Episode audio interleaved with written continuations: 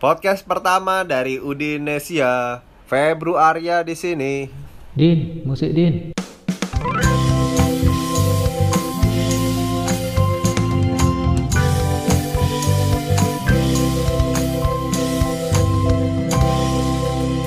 Oke, sekarang kita kedatangan tamu dari CEO atau foundernya dari Udinesia. Pak Yogi. Yo, CEO, Chief of Everything Officer. Jadi startup pertama nih Bapak kerjain semua nih, Pak. Iya. Jadi gue udah baca-baca nih awal-awal nih pertama kali eh, Bapak menawarkan gua nih pertama kali untuk join ke Udinesia. Jadi ini gila, gue lihat sih sebuah startup yang ngebantu hampir semua lini nih Pak. Semua lini. Cuman detailnya kita akan bahas di sini Pak. Nah, ini banyak banyak banyak nih. Mungkin pendengar-pendengar yang baru join tentang di Udinesia atau yang dari kemarin Iya. juga udah ngefollow. Mungkin ada beberapa yang tahu tepan sekarang kita mulai dari awal. Pertanyaan pertama nih pak. Gue udah hampir semuanya tahu nih tentang ceritanya. Temen balik lagi kita awalin dengan Udin ini kenapa berdiri nih pak? Wah ini cerita keren banget nih dari Yogi nih. Coba. Oke, jadi eh, gua tuh ya di masa pandemi ini eh, itu sebelumnya bekerja sebagai eh, salah satu posisi di bagian sales dan revenue yang mengurus eh, online travel agent ya di bagian hospitality. Oke. Gitu. Nah, di situ eh, agak pedih ya, kita bilang agak pedih memang ya, karena karena eh, di bulan di bulan eh, April itu di bulan April Ah. kita sudah mulai dengar nih eh, semua hospitality udah eh, kena dampaknya yang Dampak apa? dampak Corona, kena- corona corona, nih. Ah. corona, akhirnya karyawan banyak yang dirumahkan dan banyak yang di PHK. Nah, saya salah satunya. Oke, saya salah satunya. Bapak Nah, bukannya awalnya setahu saya nih, itu udah di manage salah satu divisi di manajernya lah, manajer dari divisi betul, tersebut. betul, ya. Itu sampai di manajer pun Oh. masih kenal, Pak. Betul iya. Di posisi manajer pun tetap kena gitu ya. Oke. Oke. Di situlah pedihnya ya. Nah, Nggak aman dong, Pak, ya, manajer. tidak ya. aman, tidak aman. Oke. Jadi Eh. nah, akhirnya eh, dalam eh, itu leave of abs- absence lah ya bisa dibilang dalam tiga bulan ke depan gitu dan Oke. saya harus harus berpikir nih Hmm. artinya di sini saya berpikir eh, dan melihat juga ya sebenarnya melihat juga oh ternyata banyak banget teman-teman saya ini yang kena kasus yang sama. Dan mereka berusaha untuk eh, survive lah bisa dibilang ya berusaha untuk survive nah Maksudnya dicutikan dan di PHK Betul. atau dan lain-lain lah. Nah, Iya. namanya kan beda-beda nih setiap perusahaan tuh. ya betul Masa pandemi gini. Dan itu teman-teman Bapak tuh banyak yang kayak gitu juga tuh, Pak. banyak banyak Ah. banyak banget gitu nah rata-rata yang ketika saya tanya itu eh, mereka itu memulai usaha mereka dengan berbisnis kuliner mereka memasak nah di situ Oh. oke di situ akhirnya saya eh, berpikir Hmm. nah tem- eh, teman-teman saya ini mereka jualan em, kelihatannya ada kesulitan di bagian marketing dan operasionalnya karena dulu ya dulu itu Hmm. Aha. gue tuh pernah em, ya jauh lah ya eh, sekitar tiga tahun yang lalu gitu Oke. gue juga jualan gitu gue jualan eh, kamera-kamera analog ya kamera-kamera tustel ya kalau pernah denger ya zaman dulu kamera tustel itu terakhir bapak gua tuh kayaknya ngomong Iya tustel. pasti Berapa 50 tahun yang lalu kali ya Nah itu Kamera tustel, oke. Iya Oke, jadi oke, dulu apa eh, Jual jual kamera itu Ya benar Memang ketika semua diurus sendiri Tidak ada yang mau bantu Itu susah banget gitu. Itu bapak maksudnya solo karir tuh pak, jualan solo gitu? karir, solo, karir, betul. Nah, terus ya udah. Nah, di sini saya eh, karena dari pengalaman yang di kantor eh, hotel ini, eh, hospitality ini, itu eh, ya kurang lebih ada lah ya dasarnya untuk gimana sih eh, dari sisi marketing, cara-caranya, dari sisi Oh, penjualan, iya, pricing, iya, iya. pengaturan pricing, Ah, konten ah. seperti itu. Nah, kayaknya bisa ketemu nih dan jadi ada sebuah peluang di situ. Nah, jadi saya eh, menawarkan Hmm. menawarkan eh, ibaratnya kayak jasa lah ya bisa dibilang jasa yang fokus untuk membantu mereka di sisi marketing dan penjualan dan operasionalnya juga gitu. Jadi udah all in tuh. Jadi mulai dari pertama kali itu produk lah, produknya itu ada. Karena setahu saya nih, Udin ini kan sebenarnya eh, berdiri karena memang bapak waktu itu merasa yang tadi teman-temannya itu sama lah satu satu Satu- kena satu masalah yang sama nih senasib dan segala macam ya pak ya. Nah setelah dari situ bapak punya pengalaman dan membantu orang untuk mendigitalisasikan lah usaha-usaha mereka ya pak ya. Iya betul. Nah saya juga melihat ya, maksudnya pasti orang akan berpikir loh, saya sendiri kan, eh, aku gue sendiri kena kena ini tapi ngapain harus ngebantu. Nah gue berprinsip begini bro, Oke. Eh, ketik di dalam kondisi apa pun, Ah. sesulit apa pun, Ah, lu harus tetap bisa berkontribusi sama orang lain. Widih, Lu itu, harus itu tuh itu berat sih. Betul. Itu Itu, berat, yang berat. gue gue yakinin. Ah. Walaupun gue dalam keadaan susah, gue Hmm. akan eh, p- apa pe- percaya ketika gue akan apa membantu orang lain Hmm. gitu. Ya apa namanya? gue kayak dengan ikhlas mem- membantu mereka kayak gitu. Jadi Nah, sebenarnya Udin itu berdiri pertama emang gara-gara bapak punya apa ya namanya? Ini ini nggak semua orang punya pak. Banyak pada saat ini. Termasuk saya juga pak. Saya jadi jujur aja nih. Saya agak sebenarnya selfish lebih ke arah memikirkan diri sendiri sebenarnya sebelum membantu orang lain. Tapi kalau ngelihat dari bapak nih bapak nasibnya sama nih. Maksudnya bapak juga bisa jualan jualan kamera Lomo yang lama itu dibangkitkan lagi kan. Dibangkitkan lagi. tapi bapak bapak malah menyediakan waktu dan meluangkan waktu pikiran dan segala macam buat bantuin teman-teman bapak pada saat ini jualan di digitalisasi sesuai dengan profesi bapak nih pak Iya betul betul. yang dulu maksudnya bukan profesi ya maksudnya pekerjaan yang dulu Iya, lah iya, iya. dari dari ilmu itu pengalaman itu bekal yang ada bapak buat bantuin teman-teman bapak yang baru mulai semuanya kayak gitu ya pak ya Iya betul. Hmm. Jadi eh, memang di situlah dasarnya artinya em, ya kalau gue sendiri ya berusaha produktif ya artinya di, di- selama di ini ya nggak mungkin kan gue cuma diam-diam aja atau Iya, apa iya, segala iya. macam gitu ya Paham, memang paham. cari kerja tetap cari kerja Nah. tapi ya harus sejalan dengan ngebantu orang juga betul kan Betul, gitu betul, betul. itu harus harus sejalan nah, Nah. itu prinsipnya gue kayak gitu Betul, Nah, karena karena memang habitnya di startup tuh sebenarnya nggak pernah berhenti berpikir ya. Pas diberhentiin berpikir,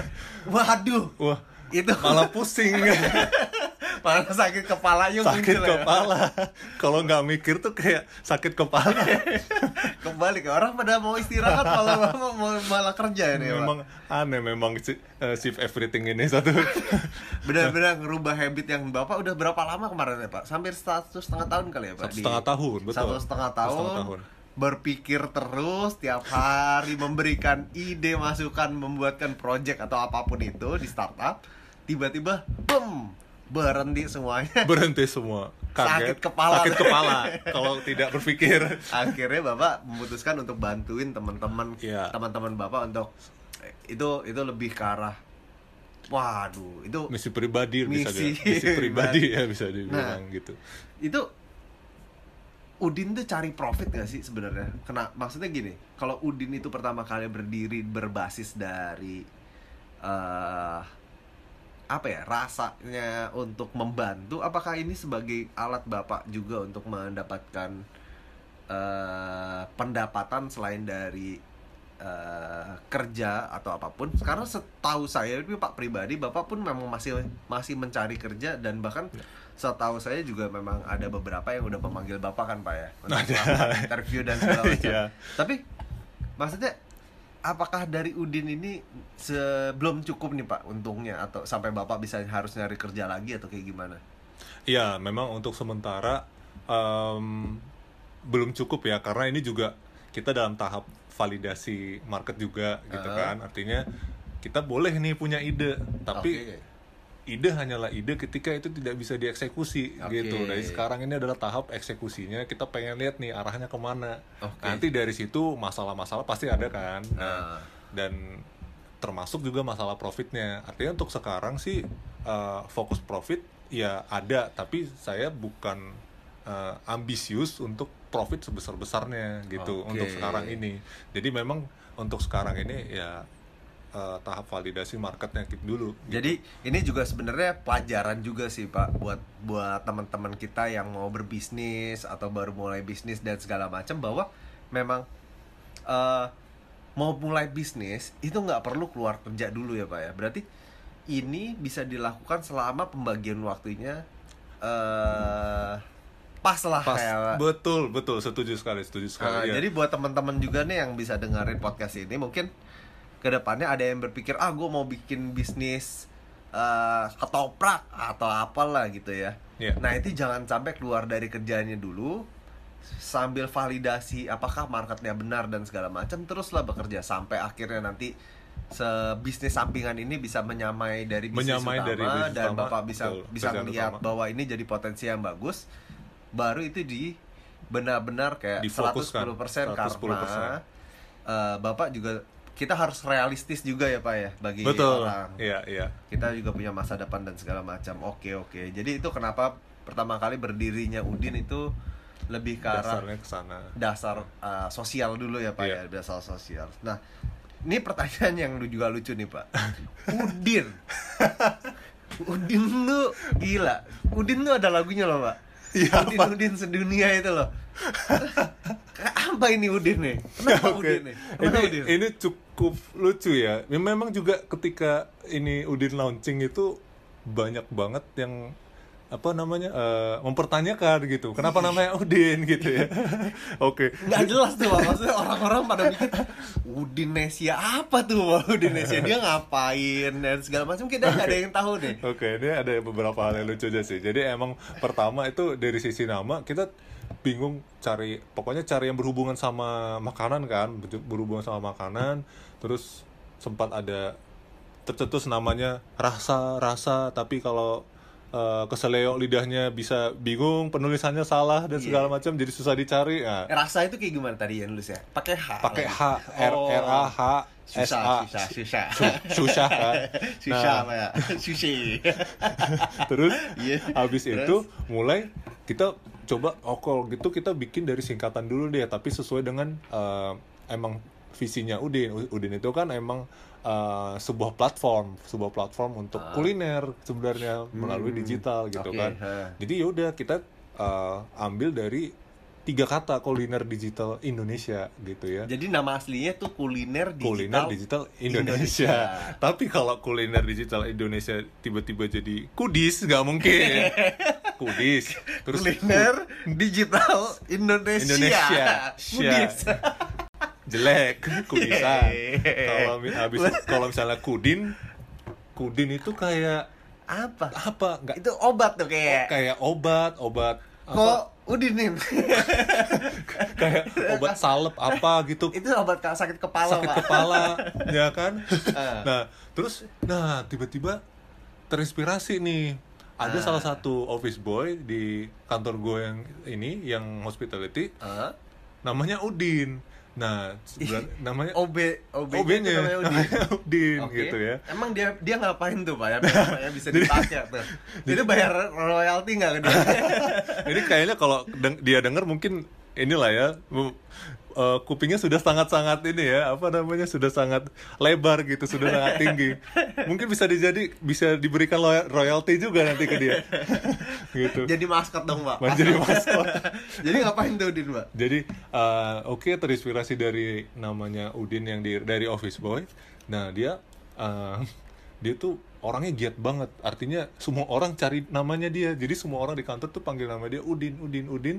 Karena mau bikin Indomie jadi dia tuh ngejual Indomie di kantor di lantai 40 Hah? hanya dengan pakai fasilitas microwave aja. Jadi dia tuh beli satu dus Indomie Hmm. dibawa ke lantai 40 Hah? terus dia jualin dan itu selalu habis satu hari itu selalu habis satu dus satu dus selalu habis terus semangatnya dia itu dan sebenarnya gam eh, dan namanya dia yang gampang diingat itu Hah?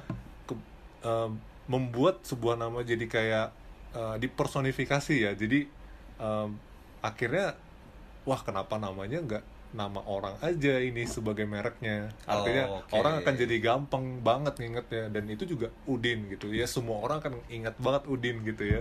Tinggal nanti tinggal dibuatkan apa eh, visualisasinya di mana orang-orang akan gampang ingat sama Udin. Iya, oh, itu. pantas berarti jargonnya always serve you itu. Maksudnya dia yang selalu nge-serve orang-orang yang, Orang-orang yang ada di kantor. Nah, sekarang lu ngebuat bahwa Udin ini nge-serve orang-orang yang akan lo bantuin di Udin secara digital marketing kuliner ini. iya betul Oh.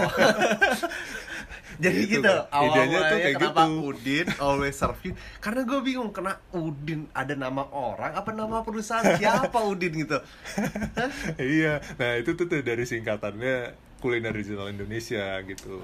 Oke, jadi sebenarnya ini cara kerjanya gimana Pak? Jadi Udin ini kan sebagai sebagai seorang person kalau di kantor dia kan berarti ngambil profit dari penjualan Indomie atau apa yang tadi Bapak bilang kan ya? Ya sampai satu bungkus lumayan loh pak. Satu bungkus itu seratus ribu isi 40 kali ada.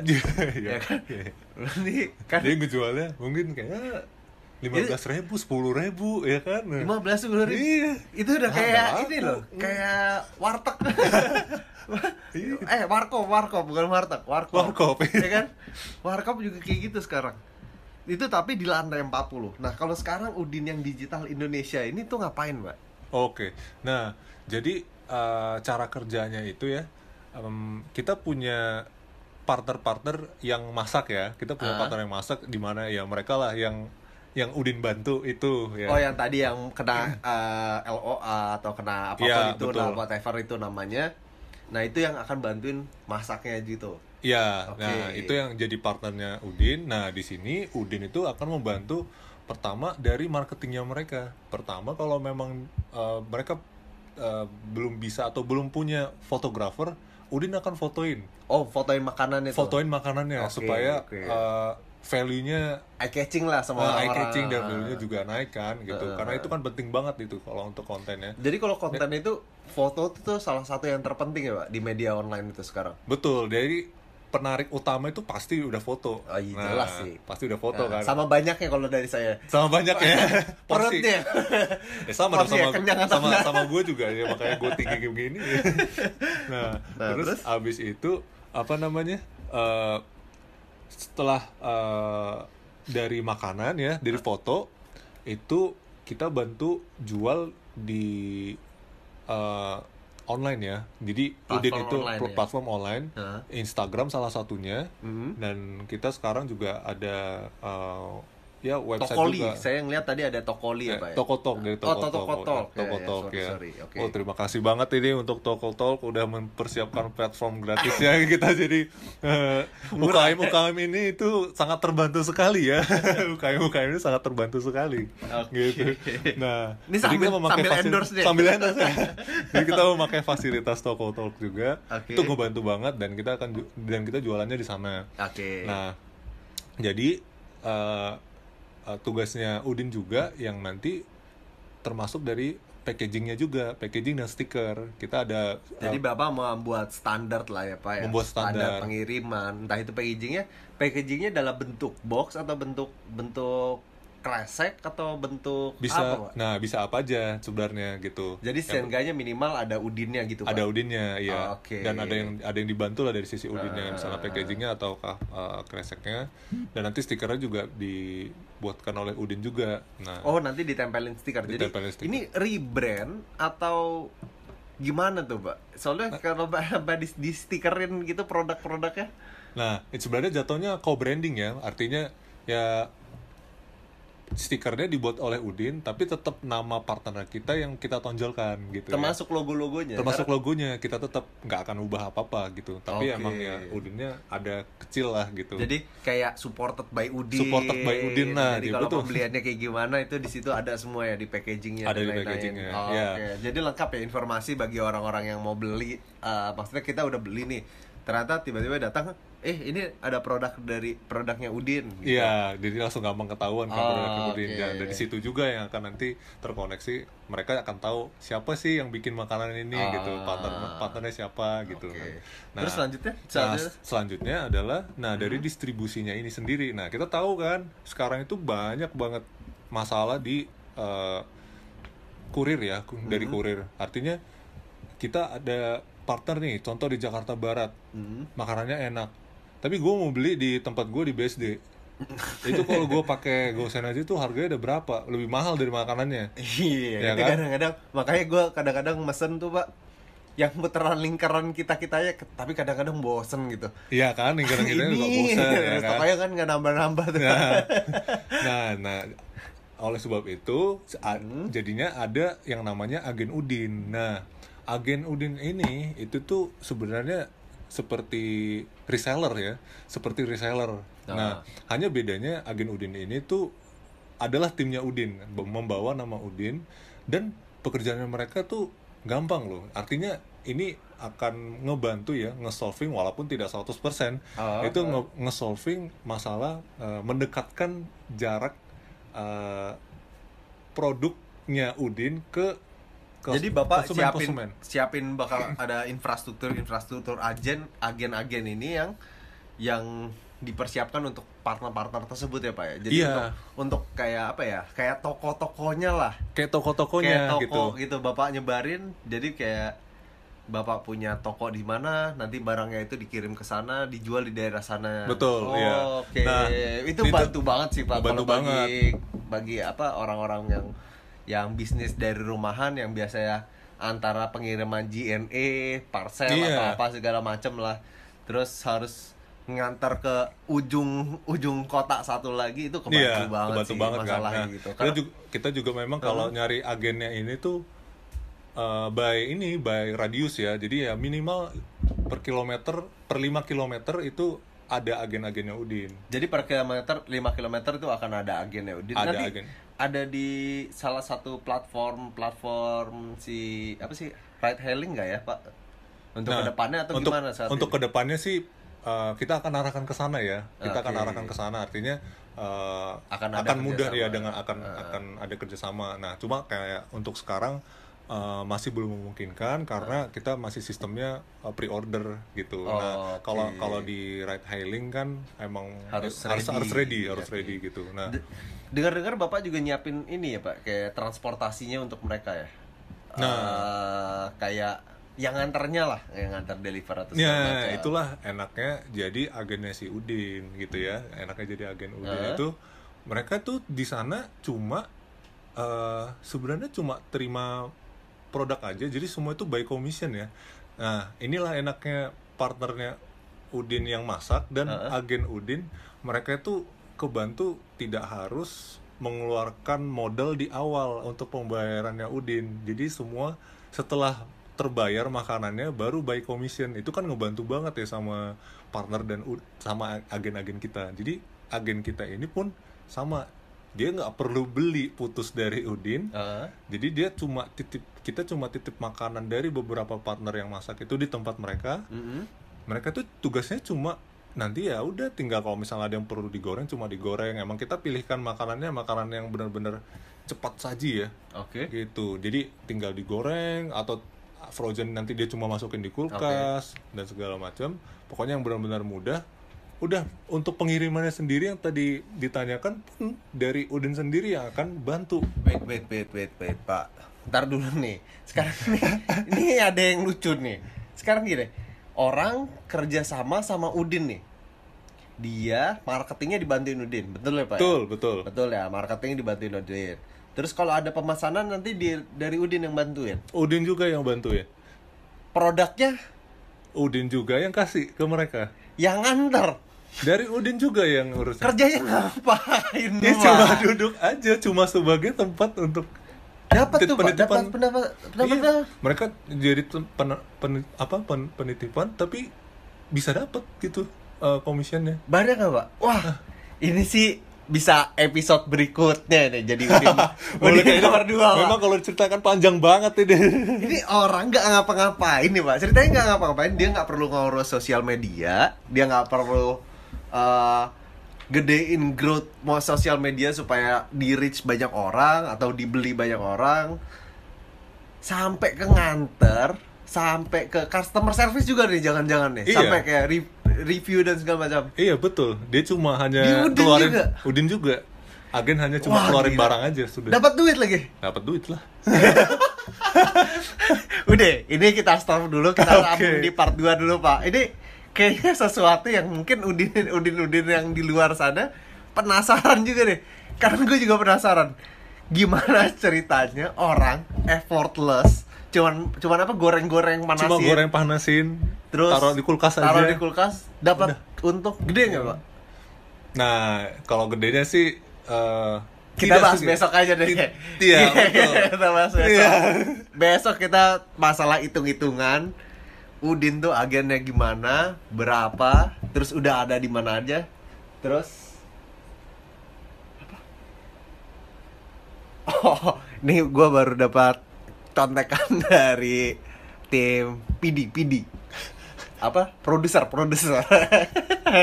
Katanya struggle-nya juga kita akan jelaskan apa aja di dalam situ. Oke pak? Oke. Siap Siap Pak, kita minta waktunya mungkin ke depannya besok, minggu depan atau kapan. Oke Pak? Oke, Siap. oke. Thank you Pak. Thank you, Febru. Oke, ya. Nah, halo semua. Nanti jangan lupa disaksikan kembali setiap hari Senin di podcastnya Salah. Salah. Salah. Hari apa? Hari Jumat. yang bener. Jumat. Jumat. Jadi setiap hari Jumat kita akan nge-share podcast yang sama. Jadi sebenarnya podcast ini balik lagi gue mau ceritain bahwa ini adalah story-nya tentang Udin benar-benar belak-belakan benar-benar dibuka bagi orang-orang yang mau bikin startup, bagi orang yang mau bikin bisnis dan segala macam. Kita selalu ungkap tentang hal ini, gimana kita perjalanannya, bagaimana kita naik turunnya susah, dukanya, hebatnya, senengnya dan apa pun itu kita akan update di sini untuk tanya jawab dan segala macam bisa langsung ngomong di Instagram, di media sosial, WhatsApp dan segala macam. Mungkin ke depannya kita akan bertemu dengan Pak Yogi atau partner lainnya dari Udin. Thank you.